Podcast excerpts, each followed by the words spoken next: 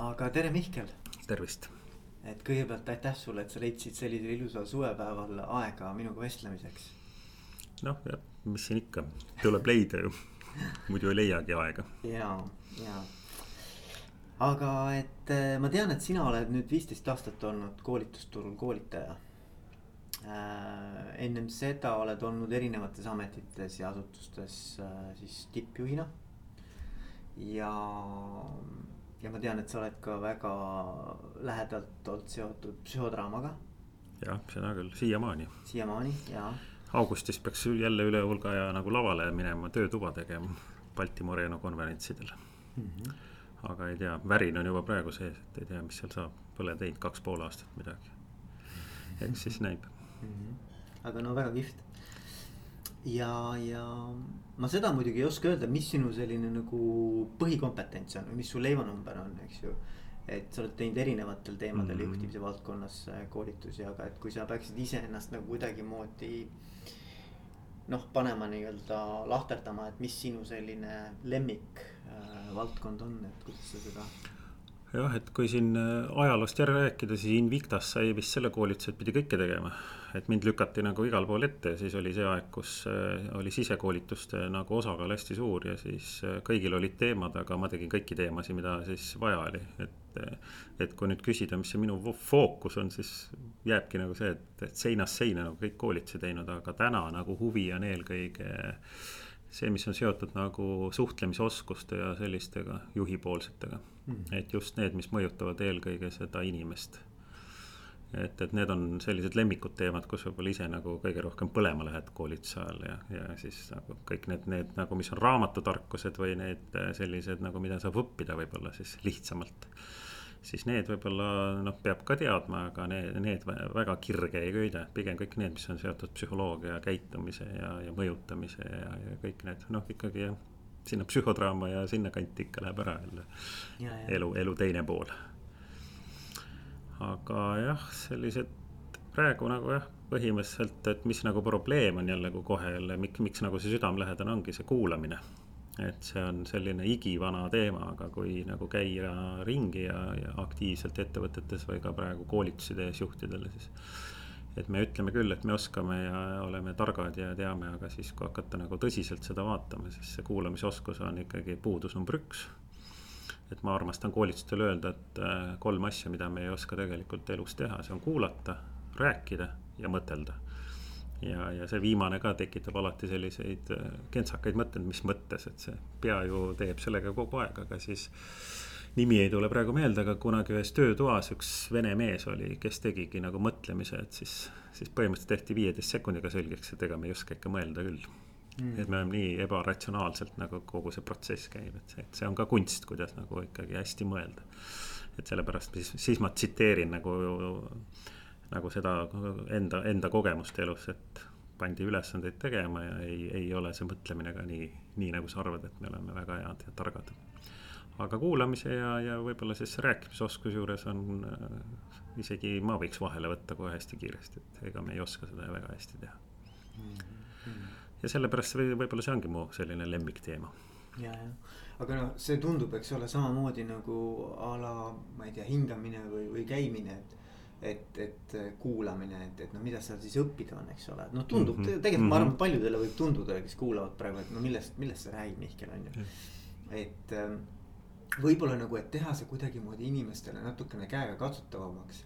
et, et millised on nagu noh, need äh, sellised äh, nii-öelda sümptomid või, või, äh, või kuidas sa aru saad, et inimene tegelikult noh, päriselt ikkagi mm -hmm. ei mhm. kuula ta kaasneb või ütleme jah, et kui me inimesest äh, ja juhist räägime, ega juht on ju inimene eelkõige. ja, ja eks needsamad asjad tulevad meil ju kakskümmend neli seitse on ju, kodus samad probleemid, et kui rääkida kasvõi perest või, või ükstapuha, kui kellel peret ei ole, aga see väljaspool tööaega täpselt samad probleemid arenevad ikkagi sellest, et üks räägib teine oma mõtetes nagu kuulab, aga tegelikult ei kuula, ehk siis tekib see tajunihe või see kuulamisnihe sinna ja siis see reaktsioon või vastus ka emotsionaalne või mitteemotsionaalne, ei peagi üldse mingi konfliktsituatsioon olema, ongi selline, et siis vaatad aeg-ajalt ju teisele otsa, küsid, et umbes selline, et oot, et kas sa ikka nagu aru said ka, millest ma räägin.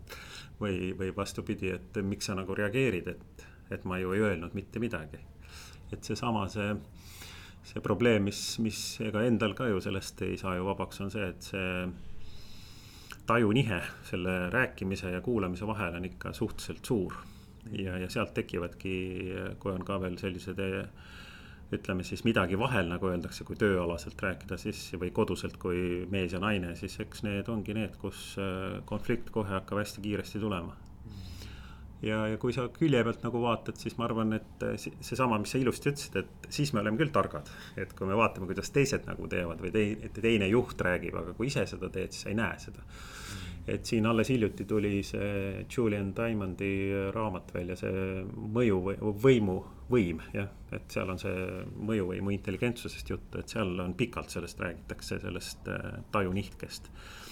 ja, ja, ja siin meil Eestis propageerib seda äh, kes siin on esinenud. Victoria, Victoria saat jah, et temaga me Äripäeva raadios ka rääkisime sel teemal, et, et sealt, sealt on nüüd ka väga konkreetne raamat eesti keeles olemas, et äh, miks ta nii on. ja, ja, väga, väga ilusti seal raamatus näidatakse ka ette ka, et miks me siis ei taju seda ise mm. -hmm. ja, ja need, kes siis võib-olla vähe skeptilised on sellel teemal, võib-olla see on esimene raamat, mida kohe lugeda mm. -hmm. et saada aru, et ta tegelikult ikkagi hoiab meid suhteliselt sellise. ma ei, ma ei oskagi öelda, kas nüüd nagu heas või halvas mõttes alati mingisuguses distantsis. ja, ja tänu sellele siis tekivadki need arusaamatused nii tööl kui kodus või, või väljaspool kodu või mis igal pool, et, et see tajunihe on, et see, kuidas mina ennast nagu tunnen või kuidas ma räägin ja see, kuidas teine ikkagi aru saab või see samas emotsioonis, sest see on ikka väga, väga erinev mõnedel inimestel ja ja sageli, sageli nagu, kui me nüüd juhtimisest räägime konkreetselt jälle seda, sellele raamatule viidates, siis üks asi, mis nagu jah, minu jaoks ka uus oli, oli see, et äh, mida kõrgemale sa juhina ronid, seda kehvem sinu empaatiavõime on, et see oli nagu selline päris uus, uus avat-, avat-, avastus ka ja. ja seal raamatus ta põhjendab ja kuna ma olen isiklikult käinud tema väljaõppel, Julia Taimandi väljaõppel ka viis päeva, siis. siis ma olen ka esmaallikast aru saanud, miks see siis nii räägitakse ja just see, et kuna see peegeldust läheb üha vähemaks ja need peegeldused, mis sul juhina tulevad et need, kes võib, võib jagada ka kolme kategooriasse töötajad, ühed on siis need, kes peegeldavad sulle seda, mis sa ikkagi ootad ne,. Nende peegeldust on sul kõige rohkem, kuna nemad ju, nendel on teatud mõttes motivatsioon seda teha, kas siis kas siis on see motivatsioon lihtsalt selles, et meeldida või selles, et nagu saada paremaid töid või vastupidi ka selles, et mitte sinuga keegi ei tõreleks või rahul ei oleks. siis on ühed, kes on sellised neutraalsed, nemad arvatavasti ei peegelda üldse midagi. ja siis on ühed, kes peegeldavad sulle seda sinu negatiivset poolt ehk siis võimendatult, kes on siis juba konfliktis sinuga ja, ja paraku ma arvan niiviisi tippjuhina satuvadki sulle, kui ei ole ikkagi tasakaalustatud ja tugev meeskond, sulle need kaks poolust üha rohkem, need, kes nagu siis tahavad, et. et sul, sulle nagu näidata seda, et sa oled hea juht teatud mõttes ja teised siis näitavad sulle seda, kes juba on konfliktis sinuga, et kui halb juht sa oled, aga see tegelikkus on seal kahe vahepeal ja sealt siis äh, ju Julia ütlebki, et sealt see empaatia hakkab ära kaduma, sellepärast et reaalne pilt kaob ära ja nüüd peegeldus on vale kogu aeg ja siis sa arvadki endast või oma käitumisest või oma, et kuidas sina tajud neid asju natuke nihkes juba ja sealt see tulebki. Et hästi huvitav, huvitav asi, millele jah, pole, pole nagu vist teistes raamatutes, võib-olla kuskil kindlasti on olnud raamatuid ju nüüd miljon aga see, mis nüüd jah, värskelt siin on Eestisse tulnud, et see, see pani nagu ühe pusletüki minu jaoks kindlasti kokku, et miks seal siis on keeruline olla. ja mik-, noh, ütleme, ärme räägi juhtimisest, vaatame valitsuse tasandil täpselt sama asi. Mm et kõik, kes poliitikasse lähevad, raiuvad kindlalt, mina selline ei ole, läheb teatud aeg mööda, see võim, võimuraamat räägib tegelikult üldiselt, mitte ainult juhtimise võimu kasutamisest. Ja siis läheb paar kuud, kuus kuud mööda ja mis iganes, et ma ei hakka siin nimesi nimetama, aga. aga minu jaoks on kindlasti teatud inimesi, kellel ma tõesti algasin, arvasin ise ka, et no nüüd ta siis äkki läheb.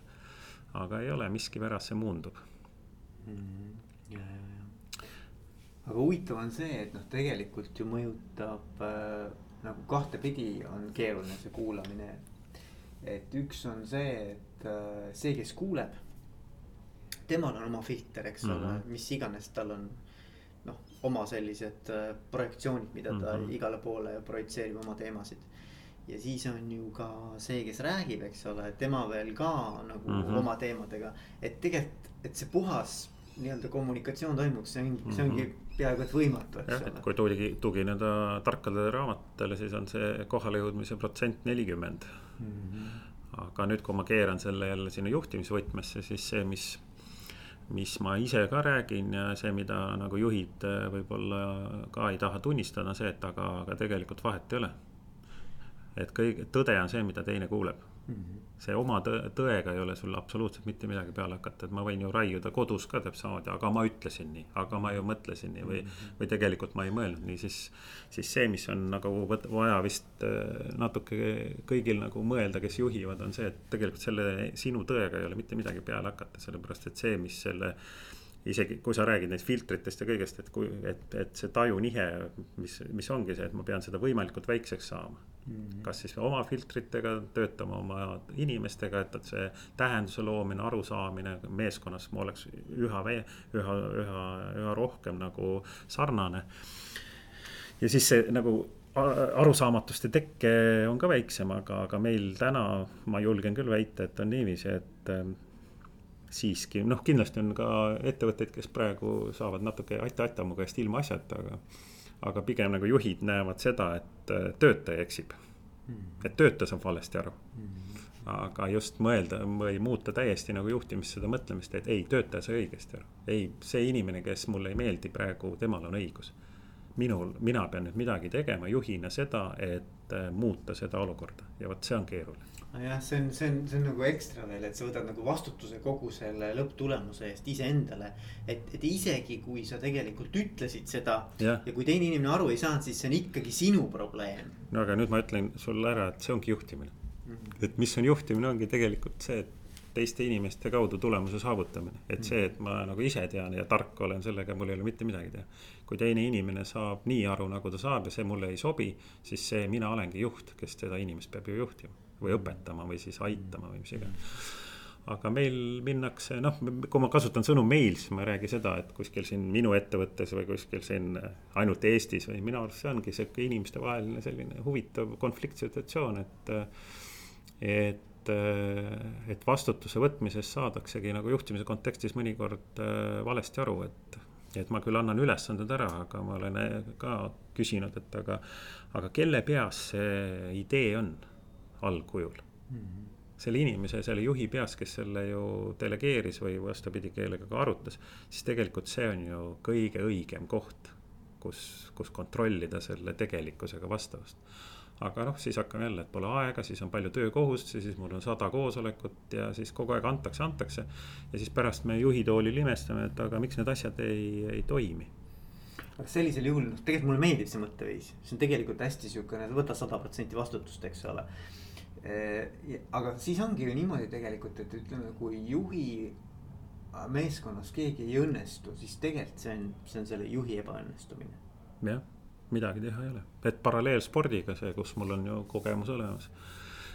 minu, kui ma veel treener olin, oli lihtne, siis äh, iga päev lahti lastud, tänapäeval me näeme, mis juhtub vot sa olid nais. naiskonna peatreener ka, ka, ka kaks pool aastat mm, aga, aga noh, meeste, lastega ja kõigiga kaksteist aastat peaaegu korvpallis olnud mm. -hmm. et äh, seal, seal on täna ju väga lihtne. ja minu arust on see, et ükstapuha, seal oli omal ajal juba õpetati Kullamäe ajal, et kui võistkond võidab, siis kaotab treener ja kui kaotab võistkond, kaotab ka treener et selle, sellest, sellest põhimõttest võiks tänapäeval juhid äh, natuke kaugemale siukseid järeldusi teha, et aga, et mis see siis see esimene väide vanasti tähendas, on see, et miks siis treener kaotab, on see sellepärast, et täpselt samamoodi, et kui on kui on väga, väga edukas meeskond, siis tegelikult äh, kaob ära see ajupärase, ütleme, see meeskonna see kambavaim ja vastutus, sellepärast et äh, hakatakse laskma üle, üle jala mõned asjad. noh, mul endal on hea paralleelne näide alati spordist võtta, et miks siis ei võida need äh, tugevad äh, meeskonnad, kes on komplekteeritud aastast aastasse, et. et, et Eesti sport on küll hästi pisike, aga kui me vaatame ikkagi natuke suuremalt, siis ikkagi, et sul võib olla see maailma kõige paremad mängijad, aga järgmise hooajal sa ei võida ja see ongi see, et sel hetkel, kui sa juba selle tiitli kätte saad, siis tuleb tegelikult hakata uuesti meeskonda komplekteerima. et Bill Jacksoni raamat, kes on siis Chicago Bullsi treener, et see rääkis, kuidas siis, kui raskelt on võita seda teist tiitlit. kui, kui sul on Michael Jordan, sellepärast et see, see. see võitja sündroom või see hakkab kogu aeg nii hägustuma ja need mängijad, kes sul on või need meeskonnaliikmed, kes sul seal ka töö juures on. Nemad ju kasvavad selle võidu läbi aga nüüd treener peab samamoodi leidma jälle uusi, uusi võimalusi, et see on see igivana teema, see motiveerimine ja innustamine ja eestvedamine. et ma olen nagu kõik juba ära teinud ja no mis ma siis veel teen, mul ongi võitjameeskond, aga kuidas edasi? selleks, et spordis on ju väga kindel, et siis järg, järgneb kaotus. ja isegi tugevad meeskonnad kaotavad nõrgematele miskipärast. ja ma arvan, juhtimises on täpselt sama ja sealt tulebki, et, et võib-olla lihtsam on isegi hakkama saada nende olukordadega, et äh, kui mul nagu ei lähe hästi ettevõttes, et siis ikka nagu inimesed on valmis rohkem pingutama ja sul on võimalus ka teha palgakärpeid, mis oli siin üheksakümne kaheksandal aastal. väga lihtne läksid inimeste ette. või siis hiljem ka siin, kui need masud olid, et ütlesid, et raha ei ole ja inimesed said aru, aga kui sa, kui sa nagu kogu aeg räägid, et me oleme edukad, meil on siin jälle käibekasv kolmkümmend, nelikümmend protsenti ja siis inimene tuleb palka küsima ja sa ütled ei. kahjuks me praegu ei saa suurendada. ja mis see inimese nägu teeb mm? -hmm. et see ongi juhi kaotus, sellepärast et siis ta hakkab ju otsima uut meeskonda või uut mhm. ettevõtet või siis, või siis kõige kurvem, mis, mis kahjuks kahjuks minu silmad näevad, eh, kui ma käin ka koolitamas või ettevõtetes, on need eh, mitteinnustunud töötajad. ja probleem siis seisneb selles, et neil ei ole kuskile minna. ja kõige hullem on see, et nad on siis sinu ettevõttes need, kellel tegelikult ei ole seda innustust või tahtmist või kirge enam olemas. et ja see on see vaikiv põlvkond või vaikiv meeskonna osa, kes tegelikult teeb, midagi teeb ära ma täpselt nii palju teed, kui palju kästakse, aga samas, mida me ju tegelikult juhina ootame, et, et kõik oleksid ju pühendunud selle asja tegemisse, nii nagu noh, mina panen. et kui juhtimist üldse, et ka mõtlesin selle küsimuse peale, et võib-olla koolitustel vähe tegeletakse või räägitagi, et enam, enamalt jaolt selle, et omanikud ju ei käi tavaliselt sellistel avatud koolitustel mm. -hmm. aga omanik, juht ja juht on minu jaoks ikkagi kaks täiesti erinevat juhti või juhi tüüpi. ja, ja neil on täiesti erinevad rollid, et et võib-olla, võib-olla õige ka, et nad ei käi seal koolitustel, kus on nagu sellise siis tavalise juhi koolitus, aga, aga jälle, aga meil on väga palju Eestis ettevõtteid, kus omanik on ka ise juht mm. -hmm. siis see on ikkagi täiesti teistsugune juhtimine, et. et mul endal on praegu hea võimalus siin olla partner ühel startup firmal, kus siis omanik on ise tegevjuht, et siis siis on no, noore, noored inimesed ja, ja nende kõige suurem tarkus oli see, et ma ei tea, kuidagi tuttava tuttava kaudu leiti mind üles ja võtsid endale nagu selliseks äh, konsultandiks. ja, ja, ja nüüd ma saan küll öelda, et midagi targemat see ettevõte ei oleks saanud teha, seepärast ma arvan, täna nad oleks pankrotis olnud oh,. jah, et selle ma võin nüüd kirjutada küll selle, selle nende väga hea mõte ja pluss enda elukogemuse arvel, et praegusel hetkel on nad jooksvas kasumis juba viies kuu. ja, ja, ja, ja, ja loomulikult tuli sinna raha sisse natuke panna, aga see raha on kõik juba tagasi teenitud ja. et, et kui, kui siit niiviisi kiiresti hüppame nagu Lennart Meri alati jutuga ühelt teiselt teinele, siis. et see igivana probleem, et, et kuidas siis meeskonda moodustada ja mis teha nende viiskümmend plussidega ja kõigega, siis et ma praegu saan küll öelda, et jätkuks nagu seda tarkust nagu kõikidesse startup idesse ja, ja, ja muudesse ettevõtmisse ka, et üks meeskond on üks väga keeruline ja segavereline ja segavanuseline ja segasooline ja sega, ma ei tea, isiksuslikune kooslus, see on kõige tugevam meeskond et jälle siin vanematele kuulajatele saab siis meenutada seda Kalevit, kes kunagi esimest korda Nõukogude Liidu meistriks tuli. et seal need vanad, vanad nagu öeldakse, kossumängijad, siis ega nad olid kõik siuksed isiksused kuni selleni, et kui paha tuju oli, siis ma sulle palli ei sööda mitte ei ole niiviisi, nagu me siin oleme harjunud arvama, et kõik on sõbrad ja täpselt sama toimub tänapäeval tippspordis arvatavasti samamoodi et äsja lõppenud MM-i, ühed vaatavad jalgpalli, teised vaatavad võib-olla seda hoopis seda, mis seal platsi peal toimub, et ja, ja kui kommentaator ütleb, et näed, juba kümme minutit ei ole vasakule ääre peale palli söödetud, siis, siis targemad või need, kes võib-olla rohkem kodus on, et ju siis on mingi probleem asi ei ole mitte selles, et ma, ma nagu ei tea, et peaks söötma, aga ju ma ei taha sööta, ju siis on selline, kas on konkurents, ega seda. me ei näe inimese pähe, mis seal toimub ja ma arvan, see on nii Ronaldo kui kõikidel tasanditel on see samasugune asi käib väljas. Ja siia me jõudsime nüüd sealt sellest äh, võitjameeskonnast et, et me jah, ei näe nende inimeste pähe, kes meil seal tegelikult on ja, ja just seesama, kui nüüd tagasi tulla sinna teema algusse, et et kui see empaatia nagu nõrgeneb seal tippjuhtimises, ma ei märka, et see on see probleem, et ma ei saa aru, ma ei märka ja, ja siis ei, ei oska nagu võib-olla seostada nagu võib-olla õigel ajal selle väikse ohupalliga, mis lõpuks kasvab juba konfliktiks välja, et. et mik, miks need kuulamine ja noh, siia juurde ma paneksin see nägemise oskus, et on ka hästi oluline, et märka, märkamise oskus jah.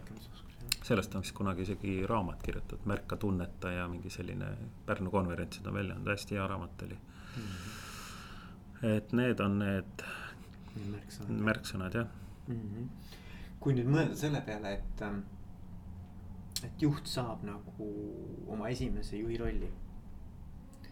on olnud spetsialist kogu mm -hmm. aeg aga saab nüüd juhiks. kuidas nagu sina teda nõustaksid või mis on sinu nagu nõuanne, et, et see juht saaks olla edukas mm? -hmm. no praegu mu, mu siis põhi, põhitöö on seotud äh, Coop Coop keskühistuga ja seal on meil nagu kolm äh, etappi. et esimene ongi juhtimise alused ehk siis nendele, kes saavad juhiks või siis kellel ei ole, siis teine on juhtimiskool, kus on seesama teema, inimeste ja suhete juhtimine ja kolmas on siis liidrioskused. et, et Coopi nüüd äh, siis need kõik need Ajo ja Maximarket ja, ja, ja Konsumi ütleme siis juhid peaksid ja juhatajad peaksid äh, mingi, mingil hetkel jõudma sinnani, et nad on läbinud kõik need kolm etappi ja see esimene ongi see, mis sa just küsid, et. et ega selles süsteemis ka, et, et nii nagu võib-olla paljudes kohtades, kui sa ikkagi oled hea töötaja, ühel hetkel tehakse sulle ettepanek juhiks hakata ja siis hakkavad probleemid pihta mm. -hmm. ja ütleme enne kui lahendusteni, et siis kaks probleemi, mis on, on üks on see, et tegelikult äh, spetsialisti roll ja juhi roll on kaks erinevat rolli ja, ja kui sa oled veel keskastme juht või esimese astme juht, siis loomulikult see spetsialisti roll jääb sul suhteliselt palju alles.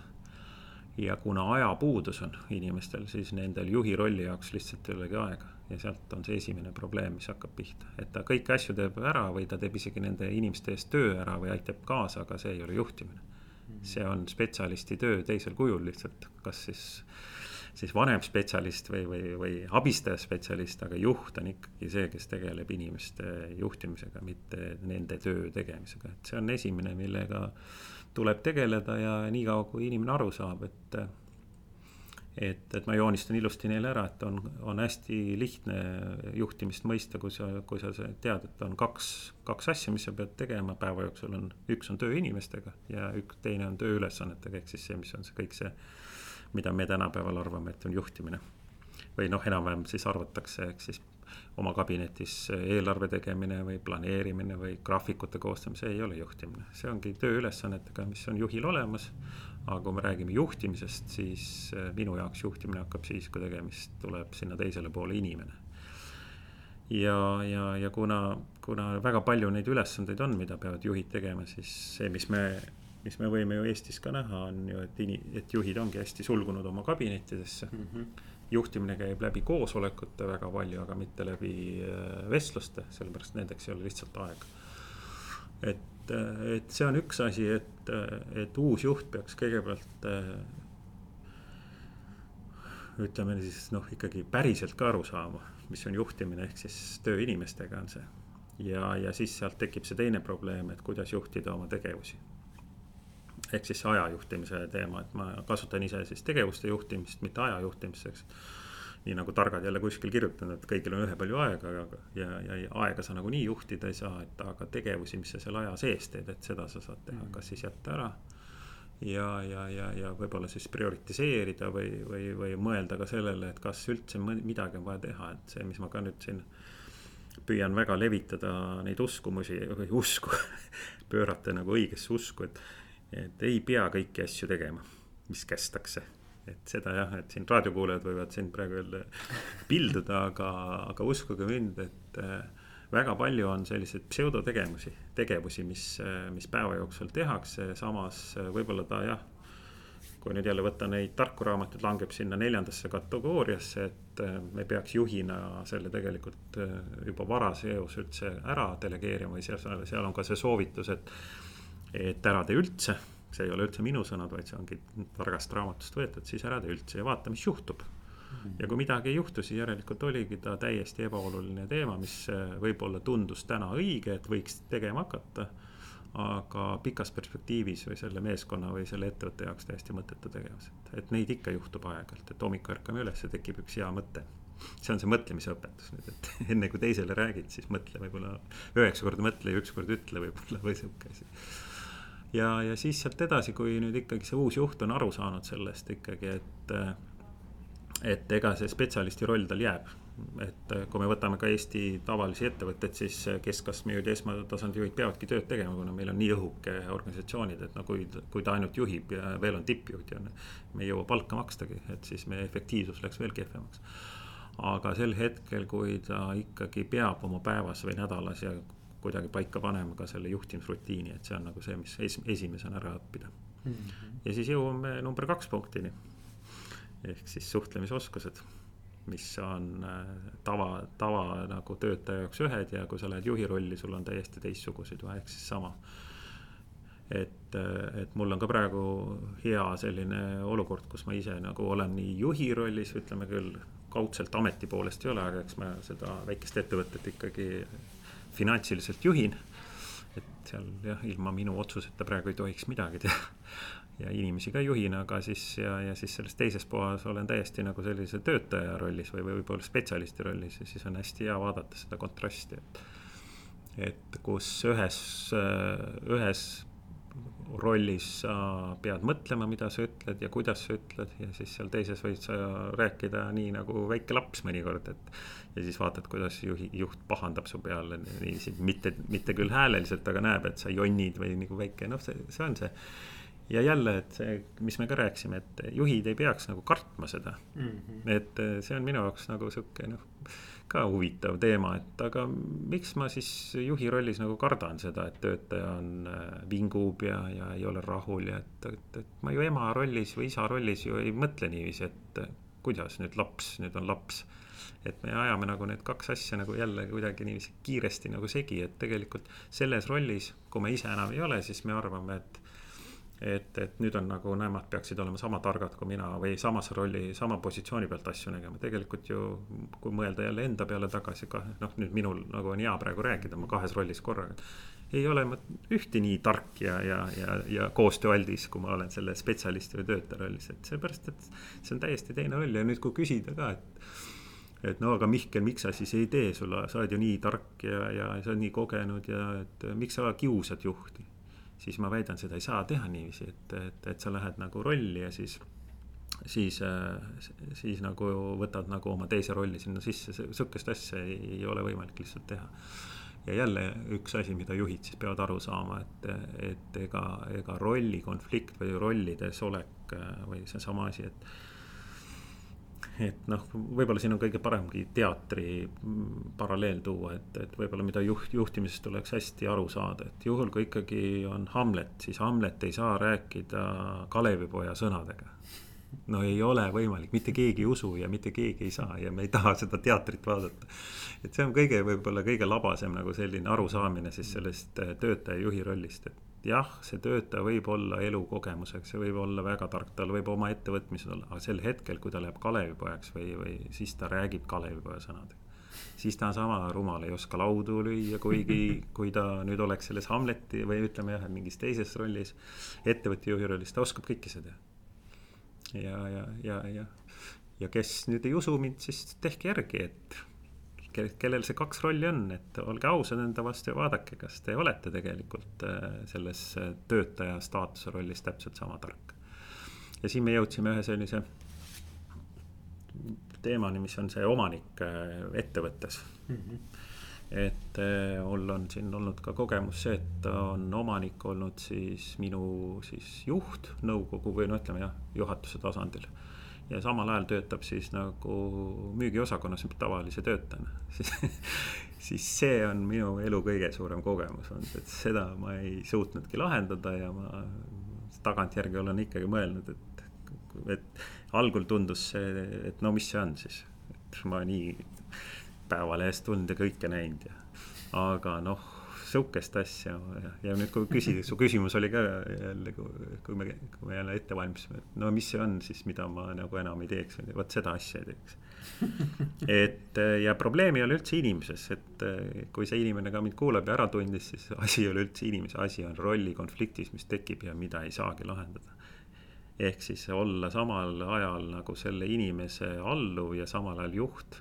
sellist inimest ei ole olemas, kes suudab selle puhtalt välja mängida jah, sest et vaata noh, terapeutidele õpetatakse ka, et sõpra ei saa, sul sõber mm, -hmm. kellegagi, sul ei ole võimalik ühel hetkel olla sõber, teisel hetkel mm -hmm. olla terapeut, et kuidagi need asjad nagu lihtsalt ei sobi omavahel. sul ei ole võimalik nagu neid äh, huvide konflikti või, või seda nagu huvide mm -hmm. kuidagi nagu mittesobivust nagu ära lahendada ja kuna ta ei ole mõistus, noh, teadvustatud tasandil, siis see ongi see probleem, et, et eks ma ise ka olen aeg-ajalt ikka arvanud, et ma olen selline kõikvõimas, et ka siin kui siin sai ka aidatud ja nõustatud, et, et tuttaval ja siis ikka noh, ütled ei, ma olen neutraalne, ei ole midagi mm.. et ja nüüd just Ivar Luki käe all sai siin äh, kevadel äh, coaching'u täiskoolitus läbida ja siis seal täpselt samad teemad, see eetika ja need teemad olid uuesti, mis on ka psühhodraamis igal pool.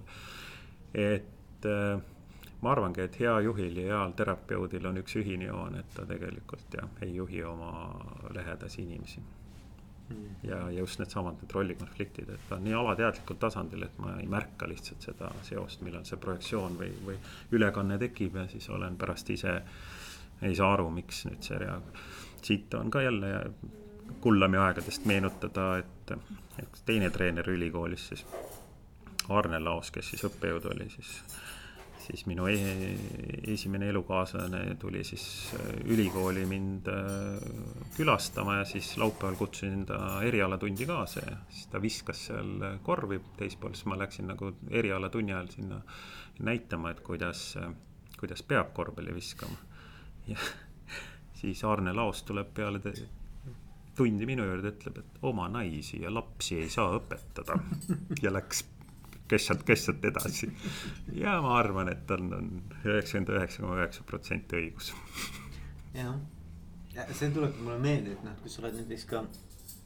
vaata, mis tavaliselt juhiga juhtub, on, on keeruline olukord on see, et sul on oma tiim. ja siis sa oled veel ise, ütleme siis nagu juhtkonnas mm, -hmm. mis on omaette tiim, eks ju. ja kuidas sa nüüd nagu ära manageerid selle, et mis tiimiliige sa siis nagu päriselt oled sest need asjad võivad natuke sassi mm -hmm. minna. et sa ei tohi oma tiimiga nagu, et sa ei saa olla nagu tiimiga inimene, kes on äh, üks tiimiliige lihtsalt mm. -hmm sest siis sa tood selle, selle nii-öelda näiteks kõik need otsused, mis juhtkonnast tulevad sinna nii, et sa neid tegelikult ei pruugi üldse ähm, nagu noh, nii-öelda kaitsta mm -hmm. või oma, oma nii-öelda otsusena ka presenteerida, vaid et nemad seal otsustasid, eks ole et, ma olen näinud nagu väga palju elus nagu seda konflikti, kus tegelikult juht kaotab nagu mõnes mõttes äh, selle arusaamise, et noh, kes ta siis nüüd on, et. et, äh, et minu arvates see natukene on, on sarnane teema mm, -hmm. et sa ei saa. sa ei tohiks tegelikult olla mingisugune väga-väga suur sõber äh, oma tiimikaaslastega selles mõttes, et sa, sa nagu lähed samale tasandile ja, ja siis noh, just nimelt, kui sa oled veel järgmise taseme juhtkonna või meeskonna liige ka jah, siin on tehtud neid konverentse Äripäeva poolt ja seminari see juht kahe tule vahel mm. -hmm. see on see probleem. aga kui sa praegu rääkisid, siis mul hakkas endal nagu tekkis sihuke selline mõte, et mis seal nagu siis äh, põhjus või, või tähendab, et jõud-, jõudsin nagu peas selle suhtlemisoskuse juurde, et või see, et kuidas ma siis nagu meeldin või ei meeldi oma inimestele ja siis arvatavasti, kellel on vähe tööriistu või kellel just seesama see probleem esineb, et tal tegelikult need suhtlemise ja kuulamise ja kõik need esinemise oskused on kehvad, siis ta kasutab arvatavasti neid klassikalisi meeldivuse meetodeid, mis ongi nagu sõpruskonnas mm. -hmm. et äh, olen, olen nagu hea semu sulle ei, ei ütle sulle väga halvasti, seepärast et noh, see ju või noh, mitte väga halvasti, aga ütleme, ei räägi väga tõtt sulle või siis see vastupidi, et teen nalja ja kõik see, mis nagu semutsemise või sellesama mm. selle sõpruskonna tasandil need suhtlemisvahendid. ja kui meeskonnas on probleemid, siis, siis ma ka nagu teiega koos nüüd ja, kannatan ja, siin. et mul on ka raske tegelikult ja, ja ma ei saa ja ma saa ja siis see kõige rumalam lause, ma ei saa teile kõigest rääkida ka ei no ma mõtlen, et see on päris keeruline. aga see, see, see, see näide, mis praegu tuli, et, et see ohvri rolli läks mm. -hmm et see on üks koht, mis tuleb jälle mõelda niiviisi nüüd jälle, et aga miks mul juhina on vaja minna oma meeskonna ees selle ohvri rolli, et kas ma siis äh, ei ole siiras ülespoole või ma ei ole siis siiras allapoole, et kuskil hakkab seesama see asi ikkagi pihta, et miks ma siis pean nagu hakkama kui me täna oleme rollist mäng- äh,, rääkinud, et miks ma siis pean hakkama Kalevipoega kuidagi nagu ütleme nii, kui ta meesroll on, et miks ma selle nüüd kleidi selga tõmban. Et miks ma tahan seda rolli nagu muundada selliseks nagu imelikuks või natuke, et tegelikult ongi, et et kui saaks nagu jah, selle oskuse, et, et noh, siin ma võin küll öelda, et ega olles ise nendes rollides olnud keskastme juhid, ega minul samad probleemid esines, et kus see joon läheb ja, ja samas ju käid ju oma meeskonnaga meeskonnaüritustel ja no kuidas sa nüüd siis ei võta õlut ja, ja ei mängi seda jääokit nii või siis tõsiselt või et, et eks need sealt hakkavadki ja mida, mida väiksemaks nagu need vahemaad lähevad, et sealt see see semutsemine nagu jah, hakkab lõpuks takistama, et sul ei ole tööriista sel hetkel, kui on probleem või kriis või, või on vaja kiiresti või vaja tulemuslikult teha, seepärast siis öeldakse, kuule, ah lõpeta ära, lähme võtame parem mm., räägime nii, no kuule, sai normaalselt saime ju rääkida mm. -hmm aga sealt ülevalt poolt on äh,, allapoole võib-olla on see probleem, ülespoole on äh, üks probleem, mis ma paneks ikkagi number üheks, on see, et ei julgeta olla see, kes sa oled mm. Ja eks see on ka minu, minu, minu ajaloost olnud, et kus ma nagu olen, olen võib-olla mitte nii enesekindel olnud äh, oma, oma, oma isiksuse suhtes just selles suhtes, et kes ma tegelikult olen ja siis tahad ka nagu kuidagi meeldima hakata ja siis hakkadki nagu slikerdama ja sõna otseses mõttes ja see nagu ma arvan, et isegi kui, kui sa mängid selle rolli väga hästi välja, siis kõige kehvem sul endal ikkagi olla. et võib-olla see juht ei olegi aega tal tegeleda sinu nende mängudega, aga ja ka see, et endal on paha olla lihtsalt ja ega sa väga kaua ei saa seda mängu mängida, kui sa just, ma ei, ma ei tea, mis see peaks olema, miks seda teha. aga siin, siin jälle jutu käigus jõudsime tagasi selle uue juhi nagu sellise või sellesama alustava juhi ühe selle asja kohta, mis ta peaks nagu endale hästi selgeks tegema, ongi see, et. et äh, juhi roll eeldab ka seda, et teha ebameeldivaid otsuseid nendele semudele, kes enne semud olid et, et mitte ainult otsuseid ei pea juht tegema, vaid ka eba, ebapopulaarseid otsuseid, et ja, seda ei julgeta teha. ja selle nii-öelda lahti rääkimine on nii-öelda adekvaatselt, noh ma arvan, et see läheb väga keeruliseks, kui sa oled sõber. just ja, ja nüüd tuleb jah, ja siis, siis tulebki see tööriist, et kuidas ma siis seda teen. see rääkimise ja esinemise ja, ja, ja enda, endaks, endaks jäämise oskus. ja, ja, ja noh, sealt tulebki ju kohe see, mis uutel juhtidel on, et kuule siis, kui sa siin tiimis olid, et sa olid täitsa normaalne mees et see on see esimene asi, mis siis, millega peab hakkama saama uus juht, et kui, et nüüd sa oled ebanormaalne. ja mis ma siin ka oma koolitustel alati uutele, uutele juhtidele räägin, et, et ärge, et ärge võtke isiklikuks, et see on nagu selline sotsiaalmeedia see sumin, mis sul seal ettevõttes kohvinurgas on, et, et kui sa nüüd juhiks saad, siis ja kui sinust hakatakse hüüdnime panema või hakatakse sinust taga rääkima, siis parem pane endale selline rist, et jah ma olen juhiks saamas et, et kui, kui sa, kui sa nagu mingisuguseid äh, olukordi nagu ei tekita kohvinurgas, kus sind, kui sind kohal ei ole, siis ma pigem nagu provotseeriks vastu. kas sa ikka juhid siis yeah,? et yeah., et, et kui on kõik nii ilus ja eba, ebameeldivaid asju nagu ei ole, et, et noh, et kas see nagu siis midagi nagu jääb tegemata või? hea point tegelikult, väga hea point on see. ja, ja nüüd jälle, kui, kui, kui meie kuulajad kuulajaskonnas on need eriti empaatilised, kes nüüd jälle ütlevad, ei, kõik peabki harmoonias ja ilus olema, siis noh, alati loomulikult, et, et eh, kui saaks nii juhtida nagu kõik need, eh, ma ei teagi, miljonid, sajad tuhanded kindlasti juhtimisraamatud on kirjutatud, siis oleks ju muidugi ideaalne olukord, aga noh. Aga see oleks umbes sama, et loota, et selline ilus ilm nagu täna on, jääbki püsima meil detsembri lõpuni et kahjuks või õnneks, ma ei tea, ma pigem ütlen, et õnneks tulevad ka vihmad. ja ma arvan nii ka juhtimises, et, et me võime küll jah, kõik õigesti teha, võib-olla sellise äh, teoreetilises mõttes juhina aga tegelik elu kuidagi minu, minu arvates nagu lükkab selle kuskile nihkesse ja, ja, ja siis ongi vaja seda päris, päris seda juht, juhi tüüpi. kes nende olukordadega hakkama saab ja, ja on, ongi seesama suure pildi nägija ja seoste loomise oskus ja kõik need, need võib-olla tänapäeval eriti aktuaalseks minevad nagu juhtimisoskused ja just sama see spontaansus ja loovus, mis, mis tegelikult ju väga kaua üldse ei olnud kuskil õpikutes ega õppeainetes kirjas, et mis jaoks seda vaja on. täna üha rohkem need uuringud näitavad, et just sellised asjad nagu lähevad sinna ülespoole juhi kompetentsis, et just see suure pildi nägemise ja seoste loomise oskus. et ma ka tasapisi püüan seda koolitustele sisse viia neid et kuidas siis nagu arendada neid, et need on need ilusad mõttemängude harjutused, mis siin dokumentaalfilm on, et et erinevad ülesanded, mis arendavadki aju neid osi, et. et sul endal siis sel hetkel, kui tööalaselt on vaja midagi seoseid luua ja oskust, et tekibki suure pildi nägemise oskus.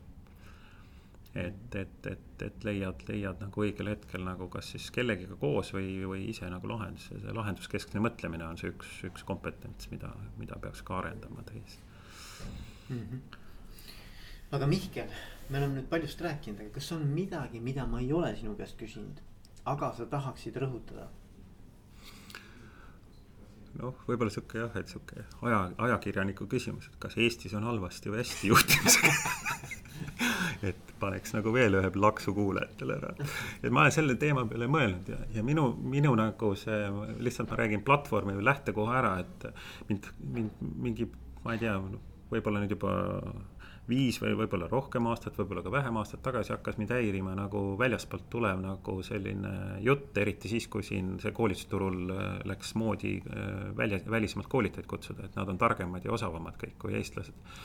ja siis sealt umbes sel ajal ikkagi jah, see võib olla nii ikka viis, kuus, seitse aastat tagasi ja siis tuli ka see, et me oleme ebaefektiivsed Eestis et tuli jälle keegi, kes oli kuskilt mujalt või keegi ühines jälle, et me teeme ebaefektiivset tööd ja siis ma hakkasin nagu mõtlema, et aga miks nad räägivad, et, et kui me, kui ma nagu siin ise olen või vaatan nagu neid inimesi, kes juhtimise või ettevõtluses teevad, kõik teevad palju tööd hommikust õhtuni, peretöö, pere jaoks pole üldse aega. siis lähed nagu kuskile kellegagi rääkima töö ajal, ei, mul pole üldse aega, mul pole üldse aega. et mis pagan võtaks, kuidas see saab öelda, et tuleb mingi inimene, vaatab natuke, kuidas me siin teeme, ütleb, me teeme ebaefektiivselt ja siis ma hakkasin pusima seda enda peas ja, ja asi ongi selles, et me teemegi palju tööd aga nüüd seesama, millest me täna oleme ka rääkinud, aga mida ma tegelikult teen selle aja sees mm. -hmm. et see on see efektiivsus, et, et siis selles ühes minutis, ühes tunnis ma teen kõige olulisemat asja, mida ma just täna pean tegema. see on efektiivne töö tegemine.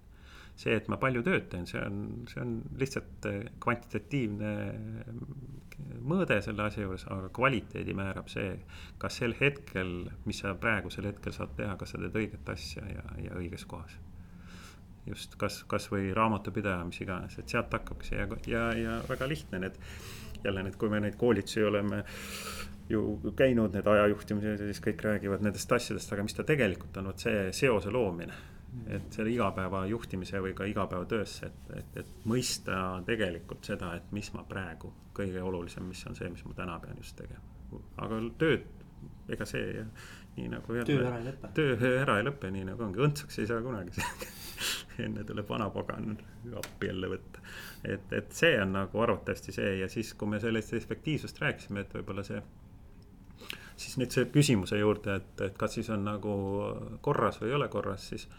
siis võib-olla need kaks asja, mis juhid võib-olla niiviisi kui nad üksi on ja, ja ei kuula enam seda raadiosaadet ja ei pea nagu vaidlema minuga, et siis võiks mõelda kahele asjale, et kas tõesti see teadlikkus iseendast kes ma tegelikult juhina olen ja kuidas ma tegelikult juhin ja mõjun.